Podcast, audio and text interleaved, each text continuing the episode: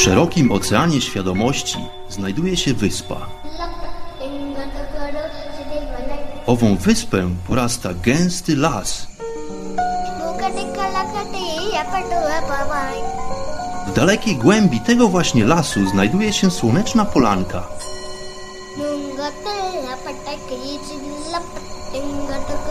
Przy tej oto polance w gorących promieniach słońca stoi sobie pewna magiczna chata.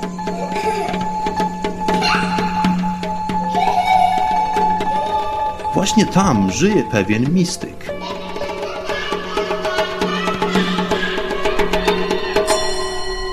Mam na imię Bart i zapraszam wszystkich serdecznie do wysłuchania programu Chata Mistyka.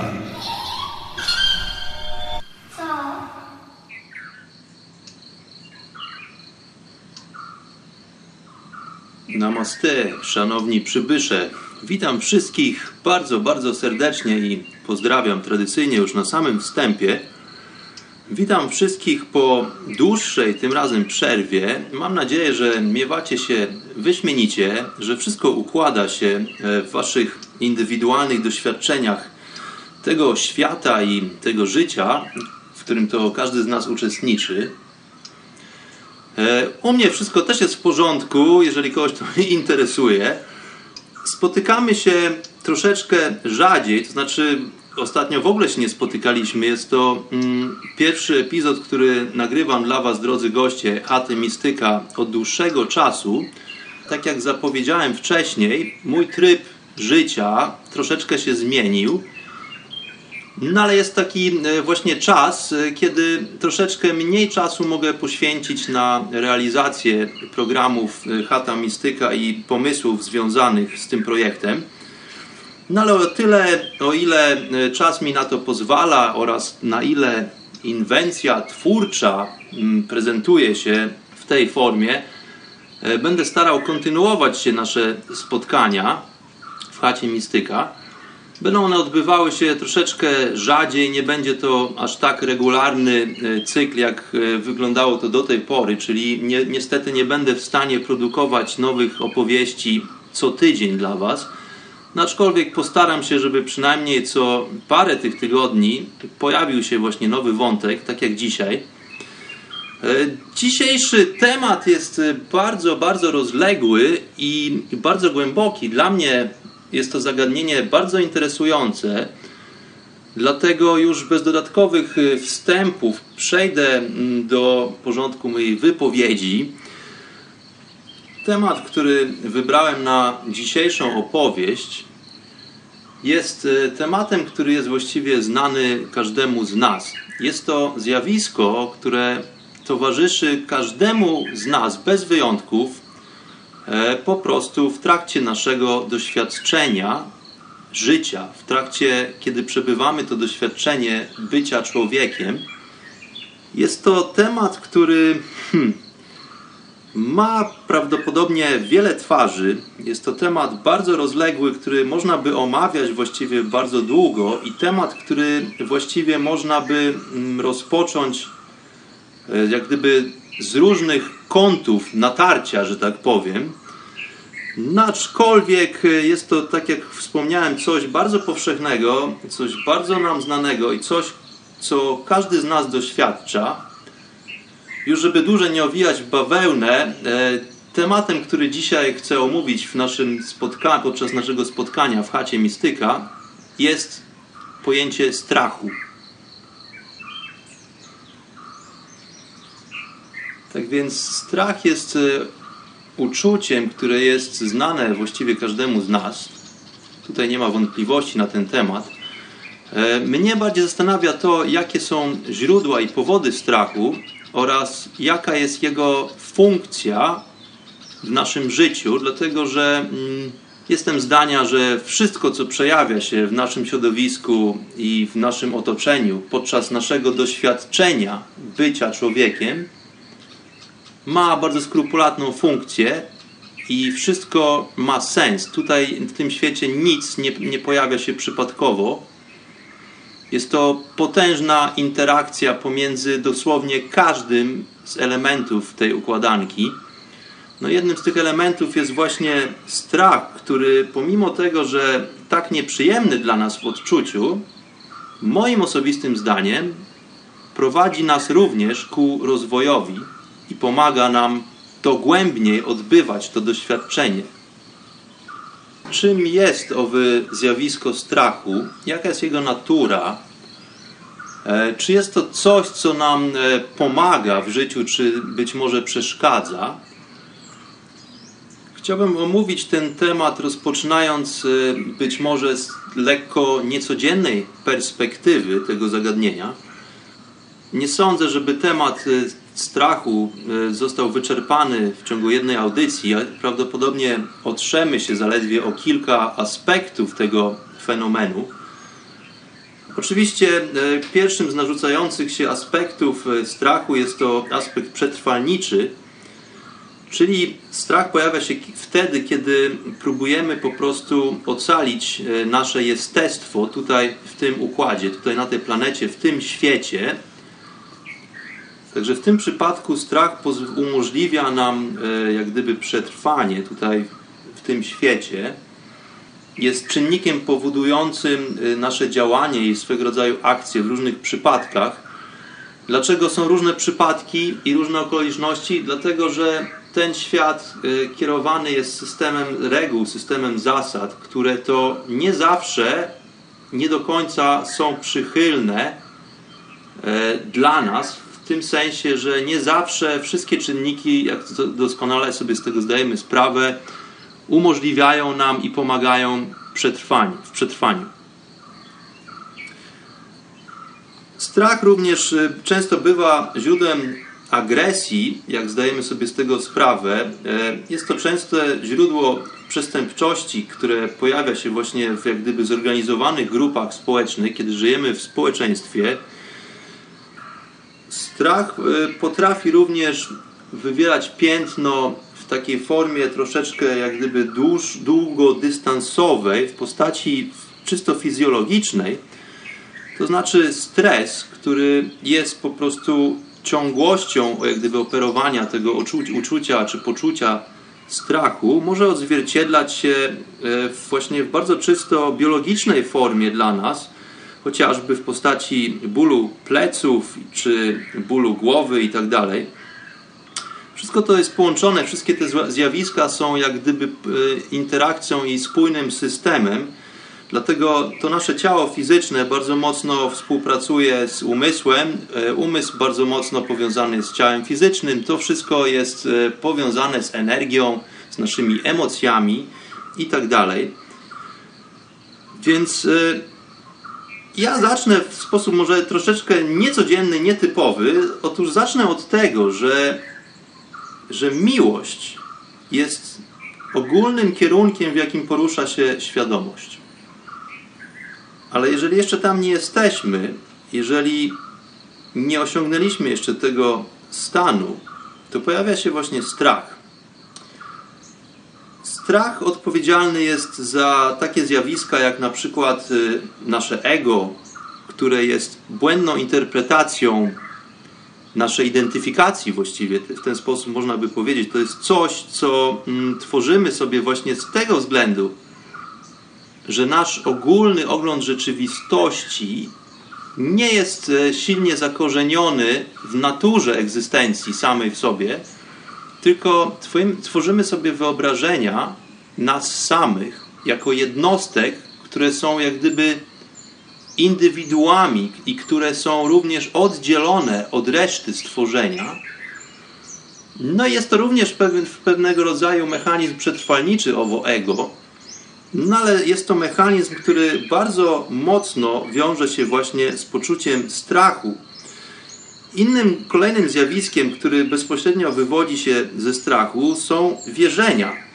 Na przykład wierzenia religijne. Co to jest wiara? Wiara jest to nic innego jak przekonanie, że coś jest jakieś, ale to nie jest właściwie to coś samo w sobie, prawda? To jest tylko i wyłącznie nasze przekonanie, czy też nasza zdolność interpretacji czegoś, a nie zjawisko samo w sobie. To jest właśnie określane mianem wiary. Czyli forma interpretacji zamiast osobistego doświadczenia, można by rzec. Co to jest doświadczenie? Doświadczenia możemy właściwie podzielić na dwie kategorie.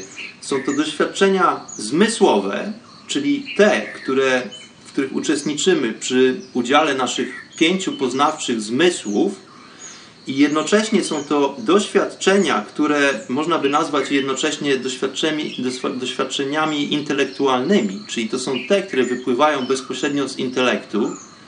To są właśnie e, te dane, które e, poprzez zmysły, zmysły, które no, notabene wiemy, że są aparatem bardzo niedoskonałym, więc są to również dane wypływające poprzez nasze zmysły, które są danymi niedokładnymi, nieścisłymi, no bo takie również są nasze narzędzia pomiarowe, czyli owe właśnie wspomniane zmysły. Więc jest to jak gdyby jeden rodzaj naszego ludzkiego doświadczenia, ten intelektualny, zmysłowy, przy udziale naszych zmysłów, które jak wiemy nie są doskonałą formą poznania, dają nam tylko szczątkowe wyobrażenie o czymś, a reszta to jest właśnie nasza jak gdyby frywolna interpretacja tych danych. No, z drugiej strony mamy doświadczenia duchowe. Te doświadczenia z kolei mogą wypływać tylko i wyłącznie bezpośrednio z wewnątrz każdego z nas. To nie są doświadczenia, o których można komuś opowiedzieć, to nie są doświadczenia, o których można przeczytać z czyjejś książki. To są doświadczenia, które pojawiają się bez udziału jakiegokolwiek mechanizmu interpretacji, czyli bez udziału naszego rozumu. Te doświadczenia wewnętrzne, tak zwane doświadczenia duchowe, nie są w żaden sposób moderowane, nie są w żaden sposób interpretowane przez jakiekolwiek filtry, takie jak intelekt. No więc y, skoro mówimy o doświadczeniach zmysłowych, intelektualnych, z drugiej strony mówimy o doświadczeniach duchowych, które pojawiają się bez udziału intelektu, no to czym jest właściwie nauka? Taka zwykła po prostu nauka, którą zajmujemy się w szkole, tak zwana nauka akademicka. No więc jest to nic innego jak próba określenia i w pewien sposób uściślenia zjawisk w przyrodzie, które mają zwykle charakter ciągły, mają charakter powtarzalny, co to znaczy, że tym samym jest to charakter weryfikowalny tych zjawisk, czyli niezależnie od tego, kto, dajmy na to, prowadzi eksperyment, to wynik tego eksperymentu powinien być zawsze jednakowy. Tym cechuje się nauka. No i również y, nauka chce, aby doświadczenia miały charakter obiektywny. Co to oznacza? Że wszystkie zjawiska czy przedmioty zaobserwowane, obojętnie przez kogo, czyli czy ja robię doświadczenie, czy ty je wykonujesz, powinny być jednakowe jak gdyby zachować ciągłość dla każdego z obserwatorów. Czyli i dla mnie, i dla ciebie każde doświadczenie powinno przebiegać zawsze w ten sam sposób i wtedy właśnie nauka mm, rości sobie prawo do miana bycia obiektywną. Naukowiec, czyli po prostu obserwator, innymi słowy, posługuje się zbiorem narzędzi, które mają za zadanie funkcjonować w każdych warunkach, po to, aby umożliwić pomiar, a tym samym obserwację. No to teraz przyjrzyjmy się przez chwilę naszym narzędziom. Narzędziom poznawczym. To, co wykorzystuje naukowiec, to jest nic innego jak narząd wzroku, narząd słuchu, narząd smaku, narząd zapachu i narząd dotyku. No i to są właściwie wszystkie narzędzia dane nam do poznania tego środowiska. To wszystko oczywiście jest następnie interpretowane przez indywidualny umysł każdego z naukowców czy każdego z obserwatorów. Jakiekolwiek inne narzędzia, które jesteśmy sobie w stanie wytworzyć, czy jest to ultrasonograf, dajmy na to, czy mikroskop elektronowy, czy prosta linijka, to są tylko urządzenia, które mogą dostarczyć nam danych tylko na tyle, na ile jesteśmy w stanie odebrać te dane poprzez nasze pięć zmysłów poznawczych. Czy też porównać te dane do zgromadzonych uprzednio dzięki naszym pięciu zmysłom doświadczeń. Czyli nie tylko nasze narzędzia pomiarowe są niedokładne, ale możemy je właściwie, te dane wypływające z naszych doświadczeń, pomimo tego, że tworzymy sobie te wszystkie skomplikowane e, laboratoryjne urządzenia, które mają jak gdyby zwiększyć naszą moc e, oglądu rzeczywistości, to pomimo to dane te zawsze będą niekompletne i dodatkowo każdy z nas ma zdolność, czy też e, umiejętność interpretacji owych danych na swój własny, indywidualny sposób. Czyli innymi słowy, całe nasze doświadczenie zachodzi właściwie tylko wewnątrz nas samych, wewnątrz każdego z nas. Więc my nie doświadczamy przedmiotu, a raczej tylko wąski zakres informacji o przedmiocie. Doświadczamy tylko tego, co zdołaliśmy pomierzyć przy udziale zmysłów, czyli porównać do tego, co już właściwie wiemy, do tego, co znajduje się w naszej dziedzinie wiedzy, w naszej pamięci. No ale czy jesteśmy w stanie tak naprawdę coś zmierzyć? Kiedy w fizyce mówimy o pomiarze, to mamy na myśli tak naprawdę oszacowanie wartości. Co to znaczy zmierzyć? Oznacza to po prostu porównać do jakiegoś abstraktu, prawda? Czy możemy zmierzyć długość, czy możemy zmierzyć wysokość, czy dystans? No w szkole podstawowej nauczono nas, że tak. Ale nie powiedziano nam o tym, że my możemy jedynie oszacować z większą lub mniejszą granicą błędu owy dystans, prawda? Czy szerokość, czy wysokość. Ale zawsze jednak będzie tam błąd. No bo jak mierzymy dystans przykładowo, jako cywilizacja ustanowiliśmy sobie wzorzec, prawda? Wymyśliliśmy sobie standardy, wymyśliliśmy sobie wzorce, no bo w ten sposób łatwiej jest nam komunikować się i tym samym budować jak gdyby tą ogólną wiedzę i tym samym e, po prostu funkcjonować. Więc umówiliśmy się, dajmy na to, że ten oto metalowy pręt, który schowaliśmy pod kloszem, gdzieś tam pod Paryżem, w Instytucie Miar i Wag, to jest jeden metr, prawda? Od tego momentu jednak, e, kiedy ten pręt został wyprodukowany i ten standard został jak gdyby mm, e, uchwalony, nastąpiło wiele zmian. Nastąpiła standaryzacja i wszystko zaczęliśmy właściwie przyrównywać do tego metalowego pręta, prawda? Więc nacięliśmy sobie wiele takich prętów, które wydawały się nam jednakowe, przynajmniej na oko, i rozesłaliśmy po świecie po to, aby mieć ten wzorzec w różnych częściach tej planety. I na tym polega właśnie ta owa standaryzacja. No ale czy możliwe jest, żeby uciąć dwa identyczne pręty? No okazuje się, że to, co parę setek lat temu wyglądało na oko identycznie, jednak nie jest takie samo.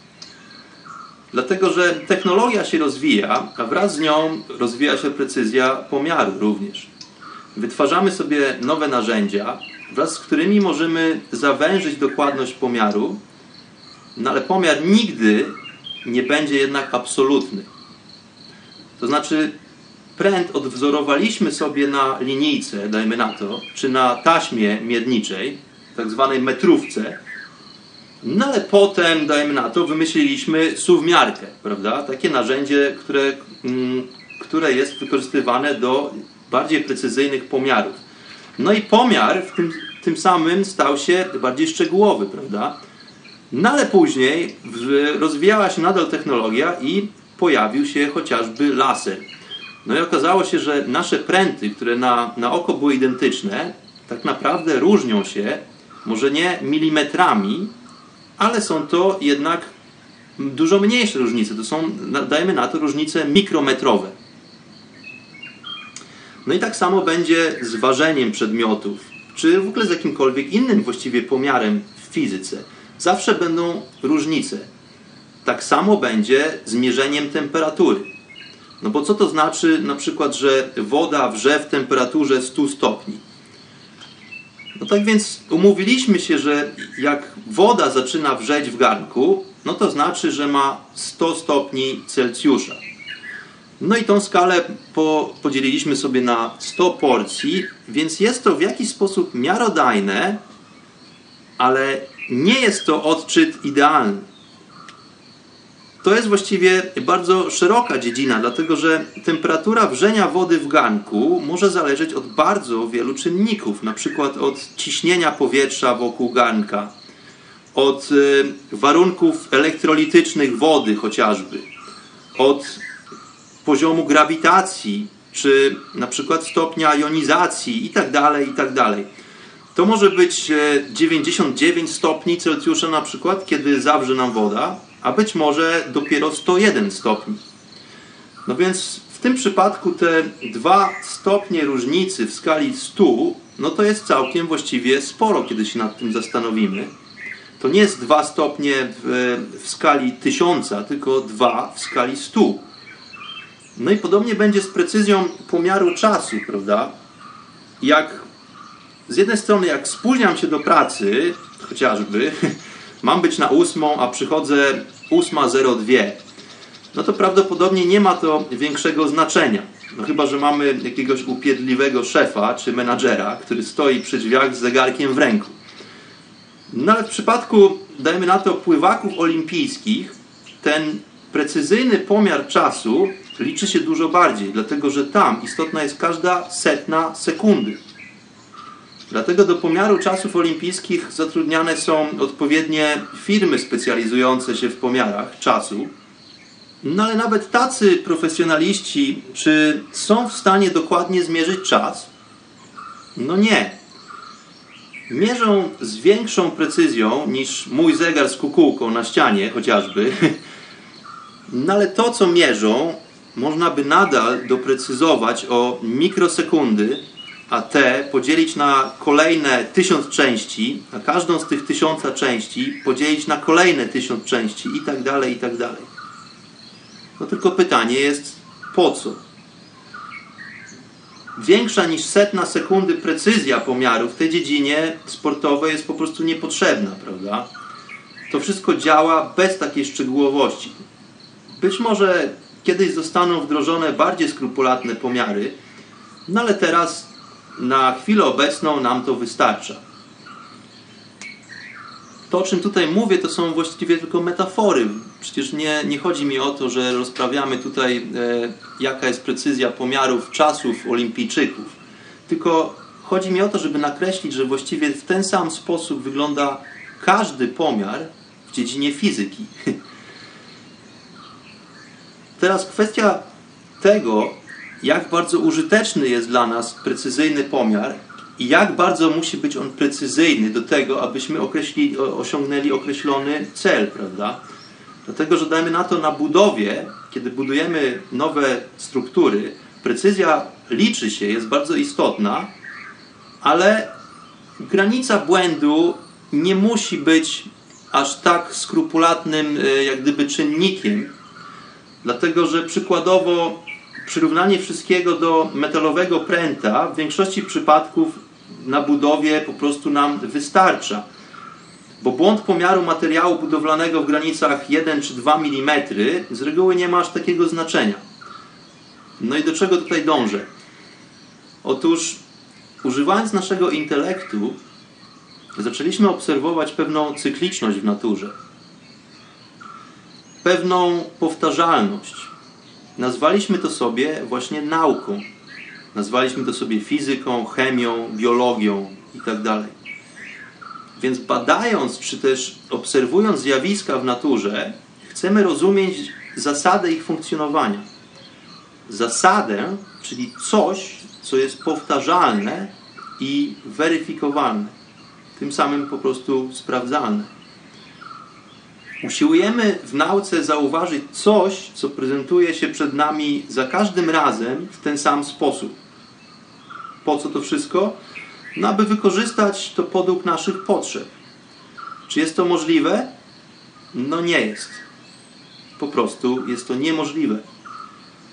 Fizyka newtonowska to zespół zasad, które są po prostu niemożliwe. Tak jak to przed chwilą wykazałem, precyzja pomiaru sił działających na układ, ich kierunek, i tak dalej, i tak jest dziedziną, która może zawężać się w nieskończoność. Czy to oznacza, że fizyka newtonowska jest bezużyteczna? No też nie. Dlatego, że te wszystkie nasze doświadczenia, te wszystkie nasze szacunki, próby oszacowania rzeczywistości pomagają nam określić zjawiska w stopniu poniekąd po prostu wystarczającym do zastosowania wniosków zaczerpniętych z owych doświadczeń. Ale nadal jest to metoda nieidealna, prawda? Czyli pozwala nam żyć, pozwala nam funkcjonować, ale nie ma żadnego pewnika, nie ma stuprocentowej pewności, że te zjawiska i te oddziaływania zawsze są, zawsze przebiegają w ten sam sposób. Jest to bardziej spekulacja niż fakt.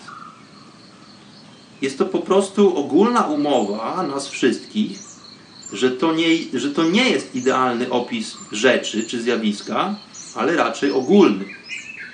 Na tyle precyzyjny, na ile się postaramy i na ile pozwalają nam nasze narzędzia pomiarowe, e, wliczając w to po prostu zdolność naszych zmysłów i również interpretacji owych danych pochodzących od zmysłów.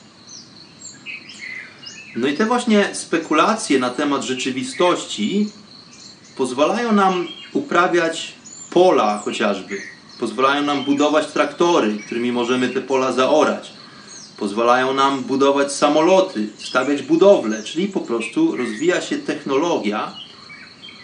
No ale to wszystko działa pomimo tego, to wszystko działa w jakiś sposób, chciałbym dodać, pomimo tego, że mamy tak spory zakres niepewności, jeżeli się nad tym zastanowimy, prawda? Jesteśmy jednak w stanie osiągnąć tak wiele. No i teraz, żeby już całkowicie dokopać naszym dziedzinom akademickim, chciałem zadać pytanie, czy wykorzystując naukę, nasz postęp oparty jest na wiedzy, czy być może na wierze? No bo czym innym jest przekonanie chemika, który wykonując po raz tysięczny doświadczenie w cudzysłowie w tych samych warunkach laboratoryjnych spodziewa się tego samego rezultatu, co podczas wszystkich dotychczasowych prób. Czyli naukowiec robi doświadczenie 999 razy i ono wyszło w ten sam sposób i za tysięcznym razem robiąc to doświadczenie spodziewa się tego samego wyniku. Dlatego, że statystycznie wygląda na to, że doświadczenie powinno przebiec w tej samej formie. No a tutaj po pierwsze warunki laboratoryjne nie mogą być takie same. Jest to po prostu logicznie i jak gdyby konceptualnie niemożliwe, dlatego że wszystko się zmienia. Zmienia się chociażby miejsce w czasie, w którym e, przebiega proces. Po drugie, nie ma gwarancji, że doświadczenie przebiegnie w ten sam sposób, co 999 razy wcześniej, z wielu, wielu powodów. Tak jak wspomniałem, chociażby miejsce w czasie jest inne. Co to wszystko oznacza? To oznacza tyle, że naukowiec jest właściwie jako obserwator jedynie w stanie spekulować na temat prawdopodobieństwa wystąpienia zjawisk i ich powtarzalności no i właściwie nie ma takiego czynnika, który zapewni nam jakąkolwiek gwarancję na powtarzalność efektów doświadczenia, czy na powtarzalność odczytu pomiarów. No ale co to wszystko oznacza dla nas, e, przeciętnych zjadaczy chleba? Czy to znaczy, że naukowiec, pomimo swojego materialistycznego podejścia do świata, posługuje się metodą, która daje mu tylko przybliżoną wartość i na bazie tego, jak gdyby, szacunku utwierdza się w przekonaniu o powtarzalności zjawisk w przyrodzie? No więc jeszcze raz, czy jest to wiedza, czy jest to wiara? Tutaj warto się nad tym zastanowić. Czy wiedza taka akademicka jest w ogóle możliwa? Czy nie jest to tylko i wyłącznie statystyka? No i jeszcze kwestia wspomnianej obiektywności nauk akademickich. To poznanie naukowe bazuje na tym, że doświadczenie ma być weryfikowalne, czyli powtarzalne i jednakowe dla każdego z nas. Czy jest to możliwe? No również nie. Czy wiedza obiektywna, czyli jednakowa, ta sama dla każdego z nas, może w ogóle istnieć? No też nie. Każdy z nas doświadcza świata w sposób indywidualny, w zależności od swoich możliwości, zdolności aparatów poznawczych, w zależności od wcześniejszych doświadczeń, które nagromadziliśmy, itd., itd. Czy nauka Newtona może być obiektywna i niezmienna? Nie. Może być szacunkowa, może być spekulatywna, ale na pewno nie może być obiektywna. Innym pytaniem jest, czy ta nauka się nam przydaje. No, przydaje się do pewnego stopnia.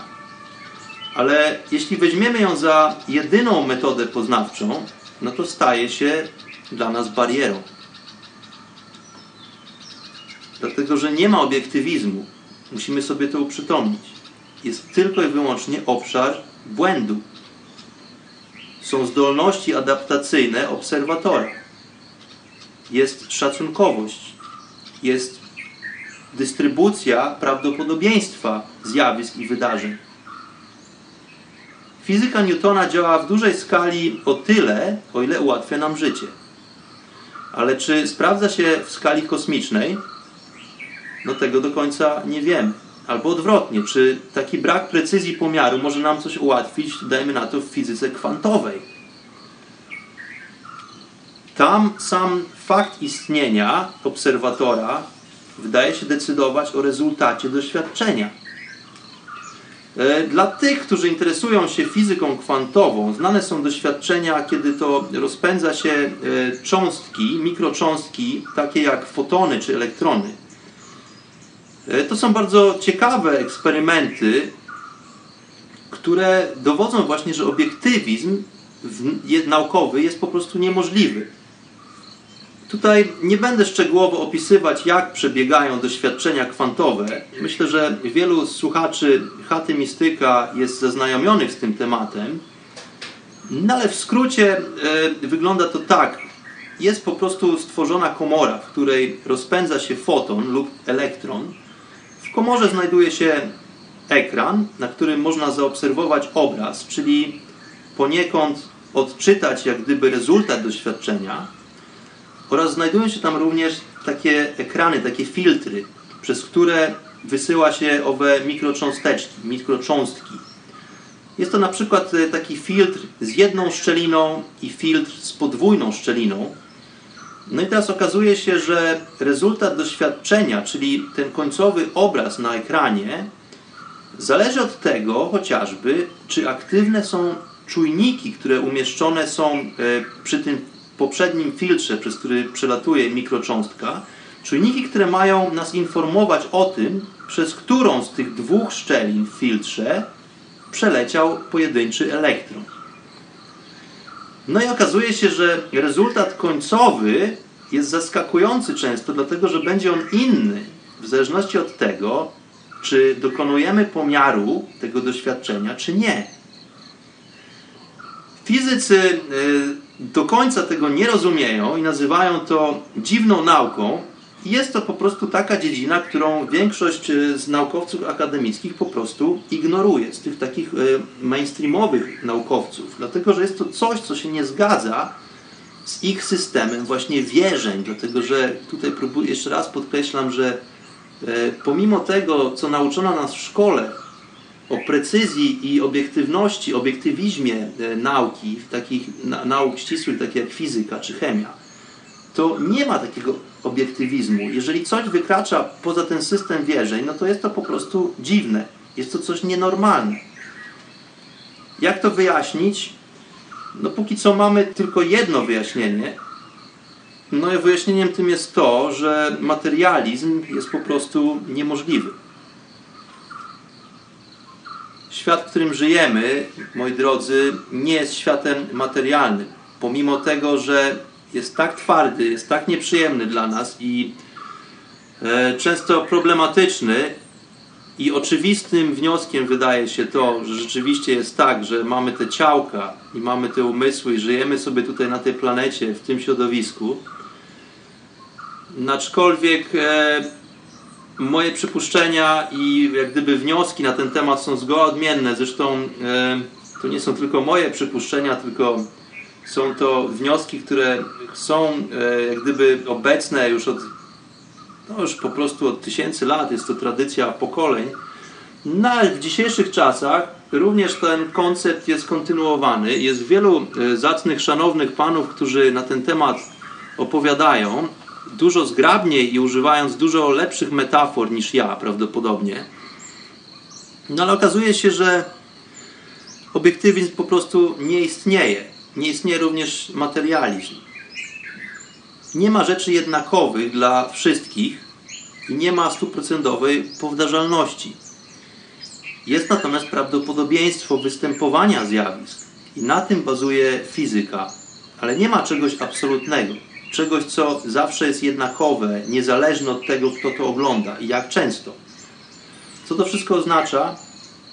To znaczy, że jeżeli obiektywizm jest niemożliwy, to nie ma też odrębności przedmiotu i obserwatora. To jest to, o czym jogini mówią tysięcy lat. Żyjemy w iluzji. Nie jesteśmy odrębnymi indywiduami, nie jesteśmy odrębnymi ludzikami poruszającymi się po powierzchni tej planety, która jest czymś oddzielnym niż my. To jest wszystko zanurzone, jak gdyby w tym wymiarze, w określonym celu, ale dzisiaj nie o tym. No, ale tutaj właśnie e, dochodząc do tego miejsca w moich przemyśleniach, okazuje się, że znika nam po prostu świat materialny, świat obiektów. Materializm jest niemożliwy, więc fizyka i ta próba opisu rzeczywistości tą metodą też są właściwie niemożliwe. No i z tej perspektywy możemy tylko sobie szacować, możemy jak gdyby zgadywać z pewną granicą błędu, zgadywać co? Nic innego jak propagację prawdopodobieństwa wystąpienia zjawisk. Tutaj pojawia się nam dzisiaj w chacie pan Tom Campbell. To jest właśnie jeden z tych e, szanownych panów, którzy w bardzo doskonały sposób omawiają te sprawy i przywołują metafory, które są bardzo nowoczesne, bardzo współczesne i bardzo adekwatne jak gdyby do rozwoju naszej myśli, naszego intelektu i do ogólnej ewolucji człowieka i świadomości. Pan Tom Campbell jest e, dla mnie wybitną postacią, e, która figuruje na granicy obszarów fizyki kwantowej, można by powiedzieć i sfery duchowej. Myślę, że jest to pan doskonale znany dla słuchaczy Radia Paranormalium. E, zresztą dzięki szalenie wielkiemu wkładowi Iweliosa, gospodarza Radia Paranormalium, słuchacze dowiadują się właśnie o o teorii pana Toma Campbella, który to mówi, że nasza rzeczywistość nie może być materialna, a jest niczym innym jak po prostu informacją. Żyjemy w wirtualnej rzeczywistości. Otóż Tom przychodzi nam z pomocą w, w swej teorii wszystkiego, która nazywa się w oryginale My Big Toe, to jest właściwie taki, to jest taka żartobliwa gra słów, dlatego że toe oznacza palec u nogi, natomiast jest to również skrót TOE, The Theory of Everything. Czyli jest to teoria wszystkiego. I dosłownie jest to teoria wszystkiego. Tom sugeruje, że skoro materializm, pomimo tego, że tak nam bliski na co dzień mogłoby się wydawać, to jednak jest niemożliwy, i w takim razie cała rzeczywistość może być jedynie informacją. Informacją pochodzącą od naszych zmysłów, które też są formą informacji w pewien sposób. Informacją pochodzącą od pamięci. Jest to informacja, która może tylko funkcjonować w obrębie reguł. Innymi słowy, Tom Campbell proponuje wszystkim poszukiwaczom bardzo smakowity koncept, który to wyjaśniałby wiele, a właściwie wszystko. Mianowicie to, że świat, w którym funkcjonujemy, jest rzeczywistością wirtualną. Ludzie są jedynie awatarami w grze, która pozwala im na interpretację informacji wysyłanych z systemu jako świat materii. Świat funkcjonujący podług określanych z góry zasad.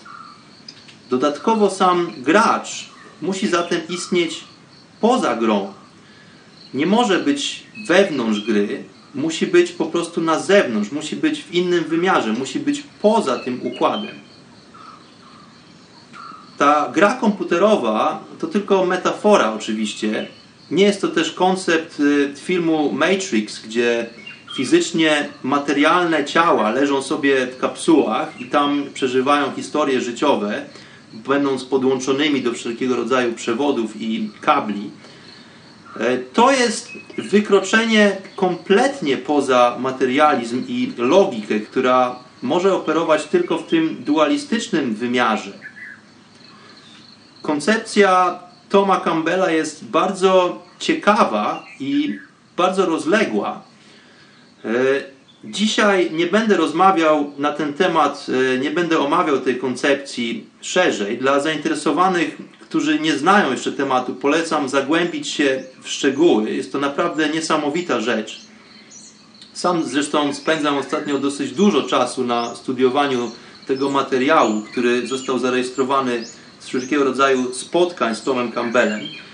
E, artykuły przetłumaczone przez Iveliosa e, znajdują się w archiwum Radia Paranormalium. Zresztą całkiem niedawno odbyło się w Krakowie sympozjum, na którym to gościł osobiście Tom Campbell, gdzie można było zadawać mu e, kluczowe pytania. Aczkolwiek dla tych, którzy znają język angielski, bardzo gorąco polecam naprawdę mnogość materiałów dostępnych na YouTubie przeważnie są to szalenie ciekawe tematy, są to szalenie ciekawe opowieści, bardzo spójne, mm, opowiedziane przez Toma w sposób bardzo lekki, bardzo przemawiający właściwie właśnie do współczesnego odbiorcy, można by powiedzieć. Także jest to dosyć łasy kąsek, jak dla mnie, dlatego że teoria ta opiewa po prostu wszystko. Opisuje wszelkie aspekty istnienia, ale również aspekty nieistnienia, czyli totalność. Oraz tą w sposób logiczny, żeby było zabawniej, czyli operując tym schematem, do którego przywykliśmy jak gdyby na co dzień, udowadnia nam istnienie świadomości. No i tutaj w tym miejscu pada po prostu cały materializm i teoria, że świadomość jest chociażby efektem e, pracy naszego mózgu, czy też oddziaływania substancji chemicznych w naszym mózgu, dlatego że materialiści lubią posługiwać się tym e, argumentem. Natomiast w teorii e, Toma Campbella ta sprawa jest kompletnie wykluczona, także polecam bardzo zagłębić się w tą tematykę. Czyli świadomość jest, to nie ma wątpliwości, posługuje się jak gdyby swoją częścią, aby stworzyć świat, ten świat materialny, jak my go pojmujemy, no i również nas jako graczy w tym systemie. Dlatego jesteśmy jednością. Jeżeli dojdziemy do tego pułapu zrozumienia, pojęcia, uświadomimy sobie jednocześnie, że po prostu nie ma indywidualności, że jest tylko jedno stworzenie, jest jeden świat. To jest właśnie to, o czym w chacie mistyka mówi od samego początku. Jesteśmy jednością, jesteśmy spójnością, a ta fenomenalna siła, ta inteligencja, która przejawia się w nas, robi to po to, aby po prostu oglądać samą siebie. Właśnie w ten sposób Bóg uczy się o sobie. Tak doskonali się i ewoluuje świadomość. Bo celem jest osiągnięcie coraz wyższej formy porządku. To właściwie nie są żadne nowe koncepty to, o czym mówi Tom Campbell, to jest to, o czym jogini mówią od tysięcy lat. Oni opisują to innymi słowami, używają innych definicji. Mówią o Mai. Maja, czyli iluzja, którą obserwujemy jako świat. Mówią również o jedności, że nie ma tej iluzji, że jesteśmy jednością. Mówią o tym, że właśnie ego jest tym panicznym strachem, który kreujemy sobie na skutek uwierzenia w tą iluzję. Yoga oznacza unię lub komunię z Bogiem, można by powiedzieć, ze Stwórcą. Yoga jest to moment, w którym zanika ta granica i odrębność człowieka od świata. ten świat jest wirtualny. Nie istnieją obiekty, jest tylko informacja i interpretacja tej informacji przez nasze osoby, czyli przez te indywidualne jednostki świadomości. Ale nadal jednak tej samej świadomości. Tom Campbell proponuje nam metafory, które bardzo ułatwiają nam zrozumienie tego, co nielogiczne, w jak najbardziej racjonalny sposób. No i to jest właśnie moim zdaniem piękne. Na przykład metafora komputera i postaci w grze komputerowej, którą często stosuje Tom, jeszcze do niedawna nie byłaby właściwie możliwa, prawda? Zanim wynaleźliśmy komputery, nie mogliśmy operować takimi pojęciami. Ale to, co opisuje Tom, nie różni się w zasadzie od tego, co próbowali przekazać innym mistycy tego świata. Te oświecone indywidua, takie jak, dajmy na to, Buddha, czy Krishna, czy Shiva, mówią zawsze o tym samym. Starają się w jak najbardziej logiczny sposób opisać to, co dostrzegli. To, czego nie da się opisać wprost. Dlatego tyle niezrozumienia, dlatego tyle kontrowersji, dlatego, dlatego tyle niepewności. Ludzie ustanawiają sobie dogmaty, zakładają religię, czyli po prostu wierzenia, przestają zadawać pytania, a zaczynają wierzyć. No i tutaj właśnie po tym jakże długim, aczkolwiek e, istotnym wstępie do dzisiejszej opowieści chcę powrócić do głównego tematu dzisiejszych rozważań, czyli do pojęcia strachu. Skoro jesteśmy jednym, co właśnie sobie tutaj ładnie pokazaliśmy, i zadaniem tego jednego jest rozwijać się, doskonalić i ewoluować, to główną siłą napędową tego procesu musi być coś, co scala ten układ. Ja tutaj nadal posługuję się metaforami. Proszę nie rozumieć tego dosłownie. Jest to coś, co scala ten układ i pozwala na rozwój. No i tym czymś jest nic innego jak miłość. Kiedy mówię o miłości, to nie mam tutaj na myśli miłości kobiety do mężczyzny, która może bazować na różnorakich płaszczyznach. Tutaj nie mówię o miłości e, w takim świetle. Kiedy używam słowa miłość, mam na myśli tą główną siłę, która sprawia, że coś jest i trwa. Czyli to jest ta siła odpowiedzialna za porządkowanie i doskonalenie się tego układu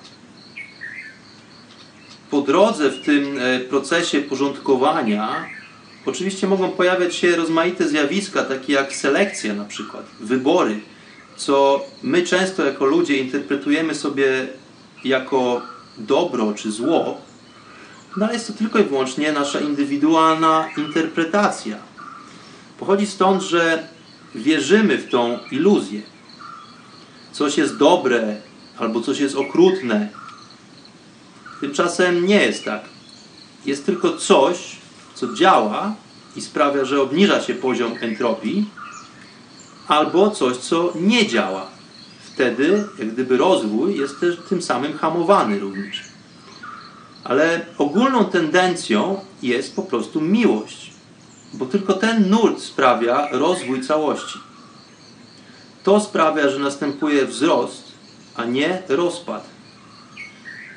Teraz najzabawniejsze jest to, że świadomość uczy się w każdym przypadku. Czy wybór był właściwy, czy nie, z naszej perspektywy, czy coś działa, czy nie działa.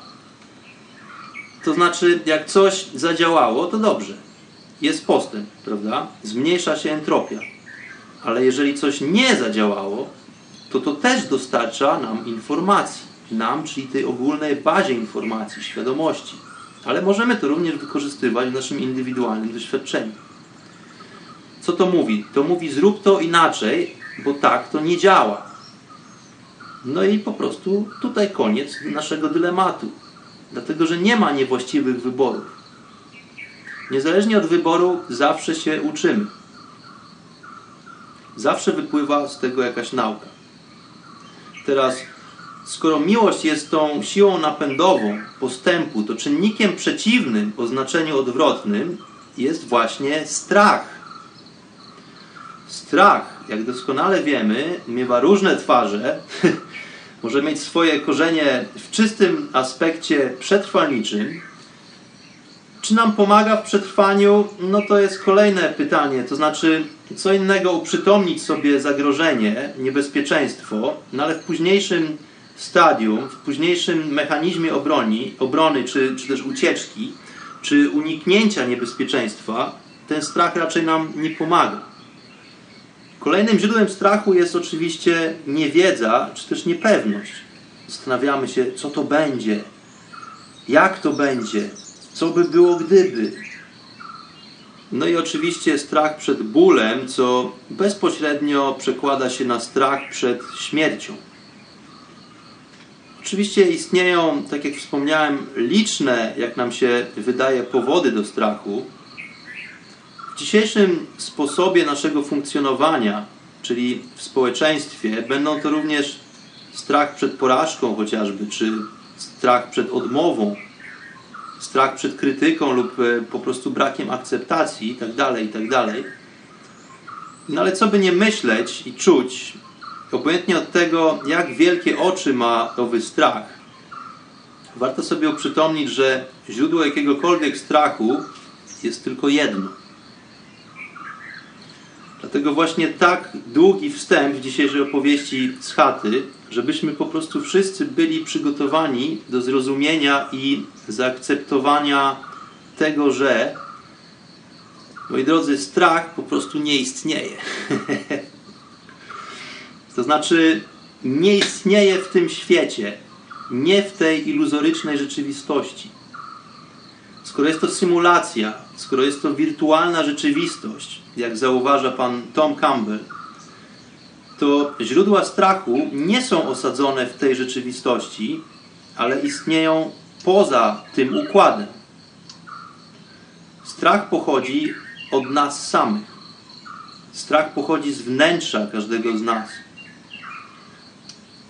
pochodzi od e, naszej mocy, czy też niemocy interpretacji środowiska, w którym jesteśmy zanurzeni, no i tak samo od naszej zdolności, jak gdyby oddziaływania, czyli wzięcia udziału w przejawiającej się akcji. Ten świat, ta gra komputerowa jest właściwie zawsze taki sam. Ani nie jest dobry, ani zły. Ani przyjemny, ani nieprzyjemny. Ten świat dostarcza nam tylko informacji. Nie ma obiektywizmu, pamiętacie? I nie ma materializmu.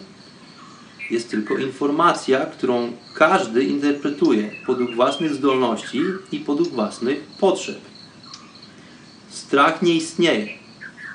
Aby zaobserwować strach, musimy posłużyć się naszą wyobraźnią, prawda? Często nadmiarem wyobraźni. Co by było gdyby? Co będzie, jak zrobię to, albo co będzie, jak nie zrobię tego. To wszystko są cechy mechanizmu posługiwania się wyobraźnią. Czyli nie tym, co istnieje, tylko tym, co przywołujemy.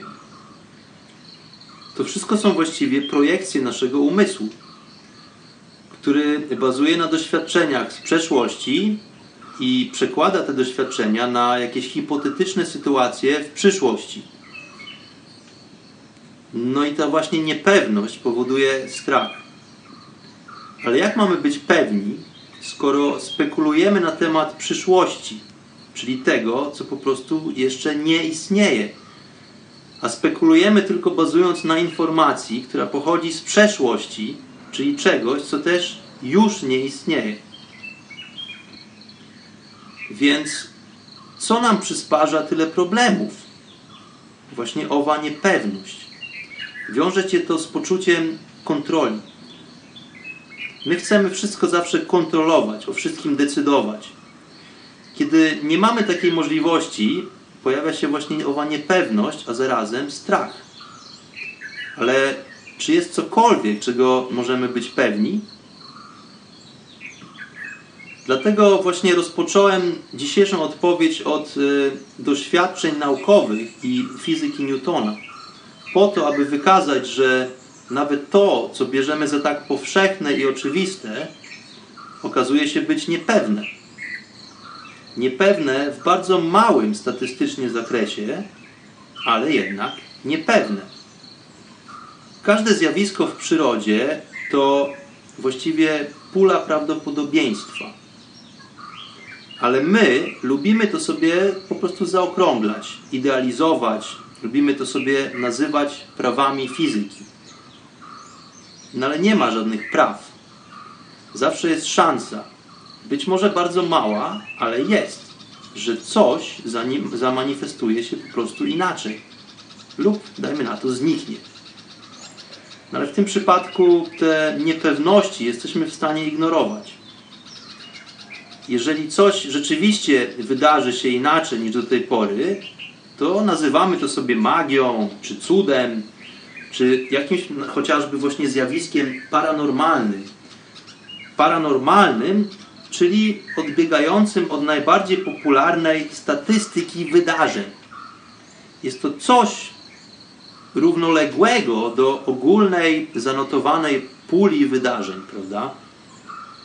Jest to zwykle coś przez nas niezrozumiałego, pomijanego i ignorowanego, no bo to, co teraz uprzytamniam sobie jako niewyjaśnione, czyli nie mogę sprawować nad tym kontroli poniekąd, często implikuje po prostu znowu strach. No ale jak to jest, że jesteśmy w stanie wierzyć w materializm, pomimo braku obiektywizmu i niemożliwości dokonania jakiegokolwiek pomiaru tego systemu ze stuprocentową precyzją, i ten fakt e, powoduje, nie powoduje w nas lęku, a z drugiej strony nasze życia często wypełnia strach bazujący na naszej niemocy podjęcia kontroli, co wynika bezpośrednio z niepewności, czyli z braku gwarancji. No ale jakich gwarancji? Przecież nie ma gwarancji. Z czegoś, co wynika z niewiedzy na temat przyszłości. Dlaczego to jest dla nas tak niewygodne, i tak stresujące w codziennym życiu, a jesteśmy z drugiej strony w stanie zaakceptować to, co nazwaliśmy sobie prawami nauką, co również nie jest weryfikowalne w 100%. Ale moi drodzy, wszystko jest ok. Don't panic. E, wszystko dzieje się jak gdyby wszystko to ma sens. Pomimo tego, że wydaje nam się, czy też nie możemy dostrzec e, tej, tego ogólnej, tej ogólnej zasady funkcjonowania rzeczywistości i nas w niej zanurzonej, to to wszystko ma sens. Dlatego, że my nie możemy mieć pewności i odpowiedzi na wszystkie pytania. Gdyby tak było, to mielibyśmy do czynienia po prostu z czystym determinizmem. Determinizm, czyli innymi słowy, odgrywanie roli w filmie, do którego scenariusz został już dawno napisany. No i właściwie wszystkie sytuacje są przewidziane i wszystkie sytuacje są spisane. No taki sposób funkcjonowania nie ma po prostu sensu. W tej naszej grze istnieje wielu graczy i tym samym wiele możliwości. To znaczy nie wielu graczy, gracz wydaje się być jednym, ale istnieje jak gdyby wiele postaci w tej grze. Ponieważ istnieje jak gdyby rozbicie na indywidualność, czyli każdy z nas jest indywiduum w tej grze. Tym samym istnieje dużo więcej możliwości, niż gdyby była tylko jedna postać i jeden gracz w tej grze. Wszystko to bazuje na dystrybucji prawdopodobieństwa oraz naszej indywidualnej intencji to ta ludzka intencja daje nam możliwość wyboru, możliwość zmiany, możliwość podejmowania decyzji. Wszystko po to, abyśmy mogli się po prostu uczyć. Jakikolwiek by nie był wybór, dobry czy zły, zawsze niesie ze sobą pewną naukę. Zawsze powoduje to modyfikację informacji. Czyli coś działa lub nie działa ale każdy wybór prowadzi w pewnym stopniu do postępu, do ewolucji gracza. A graczem w tej grze jest właśnie świadomość. Gracz jest tylko jeden. Dlatego my wszyscy jesteśmy jednością, totalnością, ową miłością. Pomimo naszych osobistych porażek, poczucia zagubienia i cierpienia, naczelny gracz nadal się rozwija i zawsze będzie się rozwijał. Ten naczelny gracz doskonali się z każdą chwilą. Jeżeli jesteśmy w stanie wyjrzeć poza ten układ, to momentalnie dostrzeżemy wyższy cel tej całej historii. Nasze drobne, indywidualne ego znaczy tak niewiele w całości tej układanki. Dlatego tak pomocne staje się, kiedy możemy zdystansować się od naszej postaci w grze. Nie jestem tym ciałem i nie jestem nawet tym umysłem. Moi drodzy, są tylko dwa źródła cierpienia w tym świecie. Jest to ból fizyczny, czyli taki, który pochodzi bezpośrednio od naszego ciała. No jest również cierpienie wywodzące się z naszego umysłu. Otóż nabierając odpowiedniej perspektywy, jak gdyby odklejając się od tej iluzji, od tego oglądu naszej identyfikacji, przestajemy utożsamiać się z ciałem i umysłem. I w tym momencie znika cierpienie, dlatego że po prostu ten aspekt nas nie dotyczy. Tym samym znika również strach. No bo czego tutaj się bać? Przecież nie śmierci, bo to nie oznacza końca gry. Kończy się tylko ten pojazd, kończy się tylko ten wehikuł, ta postać w grze, ten skafander kosmiczny, nazwij to sobie jak chcesz. Ale sama gra nadal trwa i dostajemy bardzo prawdopodobnie nowe wdzianko i to bardzo szybko i po prostu wskakujemy w kolejną grę. Być może w tą samą grę, a być może w inną. I tutaj wkraczamy na temat reinkarnacji, ale to jest opowieść, którą zostawię na inny odcinek naszych spotkań w chacie Mistyka. Natomiast y, dzisiaj już zamykając temat strachu, który jest moim zdaniem bardzo ciekawym tematem i można by go kontynuować długo. Można to zagadnienie podejść również z wielu stron. Ja dzisiaj wybrałem taki nurt opowieści. Mam nadzieję, że mój wywód jest zrozumiały. Ale tutaj już na sam koniec naszego dzisiejszego spotkania chciałbym zadać pytanie do Was, drodzy goście chaty Mistyka. Otóż zastanawia mnie taka kwestia. Skoro główną siłą napędową życia i istnienia jest miłość, czyli potężna moc, która z naszej perspektywy pochodzi spoza tego systemu, jest bardziej domeną gracza niż e, samej postaci w grze, no to teraz właśnie strach, który pojawia się w grze, tam gdzie następuje brak miłości, Czyli zjawisko strachu nie jest przeciwieństwem miłości, ale raczej jej brakiem. Więc o co tutaj chodzi? Zarówno miłość, jak i strach to są bardzo potężne czynniki napędzające tą naszą ewolucję w tej naszej grze, w tym naszym świecie, w tym naszym istnieniu. Ale co mnie zastanawia, skoro miłość pochodzi spoza tego systemu rzeczywistości, to czy analogicznie strach też jest spoza tego układu. W skrócie, czy czysta świadomość ma strach? czy czysta świadomość się boi? To jest pytanie, nad którym się zastanawiam. To jest pytanie do Was, szanowni goście chaty Mistyka. Ciekaw jestem, co na ten temat myślicie. Ja mam swoje e, przemyślenia na ten temat. Jeżeli masz po prostu ochotę, to zapraszam do pozostawienia komentarza, być może do rozpoczęcia dyskusji w sekcji komentarze pod audycją w archiwum. Myślę, że jest to temat bardzo ciekawy, absolutnie nie dający się wyczerpać w ciągu jednego z naszych spotkań. Także zapraszam do samodzielnej pracy. Tymczasem na dzisiaj e, kończę ten mój e, troszeczkę dłuższy niż zwykle wywód Czacha normalnie dymi. Pozdrawiam wszystkich bardzo gorąco.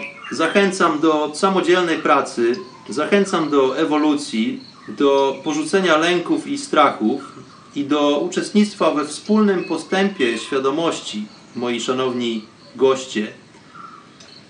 Miłość, z czego wynika pokój dla nas wszystkich.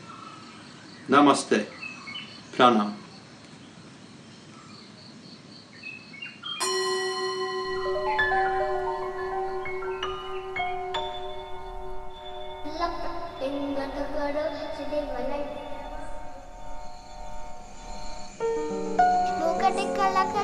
chapter 2 á bye bye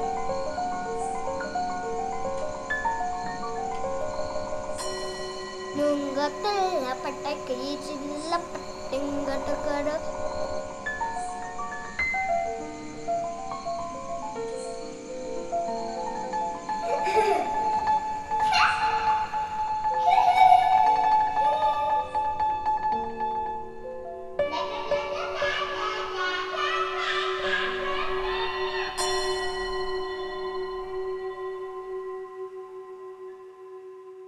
Hata mistyka.